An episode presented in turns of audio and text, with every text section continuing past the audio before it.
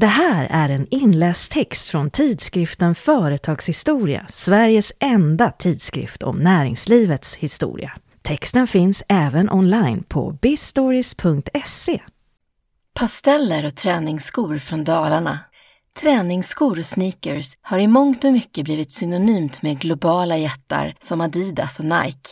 Men under 1980-talet gav sig ett svenskt märke in i matchen om kundernas gunst. Det är nog fler än undertecknad som minns 1980-talets OECT-overaller med en blandning av skräck och nostalgi.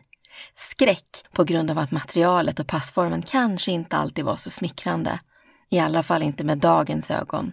Men framförallt nostalgi, då plaggen gick att återfinna i var mans och kvinnas garderob.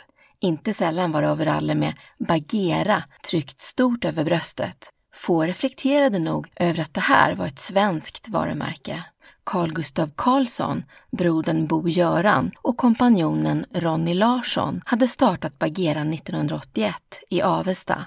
Bröderna hade en gedigen kunskap om branschen redan innan. Deras far drev den lokala sportaffären som de blivit allt mer involverade i, men de ville mer och satsade därför på att utveckla ett eget varumärke med moderiktiga träningskläder. Vi gick från att vara ett litet företag till att slåss med de allra största bjässarna. Bland annat för att vi valde att skapa sportkläder i pasteller, berättar Carl Gustav Karlsson. Frank Andersson var dragplåster. Bagheera sålde bäst i Sverige och i de övriga nordiska länderna, men kom även in på den amerikanska marknaden. Förutom de idag närmast kultförklarade WCT-overallerna blev de också snabbt stora när det gällde träningsskor för olika ändamål. Badmintonvärldsmästaren Thomas Kihlström spelade i Bagheera-skor och brottaren Frank Andersson rullade runt på mattan i ett par specialgjorda skor från Bagheera. Den senares framgångar ledde till att man även skapade en populär barn och juniorsko som gick under namnet Frank. I början av 1980-talet tror vi att vår skomodell Thomas Cup var Sveriges mest sålda inomhussko. Detta i konkurrens med världsmärken som Adidas och Nike, säger Carl Gustav Karlsson. Fokus på hållbarhet. 1986 såldes hela företaget till det börsnoterade investmentbolaget Hexatrade. Men i slutet av 1990-talet köptes det tillbaka av Carl Gustav och Bo-Göran Karlsson. För Bagheera ligger fokus numera på hållbarhet och miljö. Som exempel kan nämnas beslutet att inte saluföra de billigaste merinoullprodukterna utan endast de som följer etiska krav och som är mest hållbara ur miljösynpunkt. Från klippandet av fåren till förpackningen av produkterna. Hållbar prissättning. Konkurrensen idag är mördande och inte bara från Adidas och Nike. Nu finns det ju ytterligare 50 märken som slåss om marknaden. Men vi kan bara fokusera på vår idé, att skippa all produktion med dålig kvalitet och kapa onödiga kostnader så att produkterna också kan saluföras till ett hållbart pris. Sneakers stora N. Skoförsäljningen med sneakers, jogging och running är idag större än konfektionsdelen, även om Carl Gustaf Karlsson tror att detta kan komma att förändras med tiden.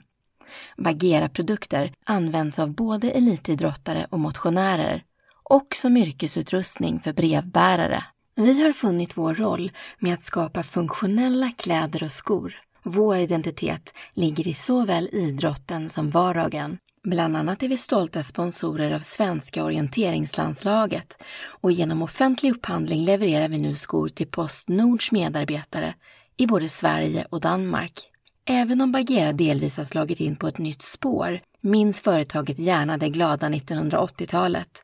Vi har kvar vår framgångssaga och gläds över att många kommer ihåg oss från den tiden. Men det gäller att hela tiden fortsätta utvecklas. Visa klorna, dra på dig lejonskorna. Något år före Bagheeras start såg ett annat svenskt sportskomärke dagens ljus. I slutet av 1970-talet hade skoföretagaren Rolf Nilsson under en inköpsresa i Asien hittat en gymnastiksko som han verkligen gillade.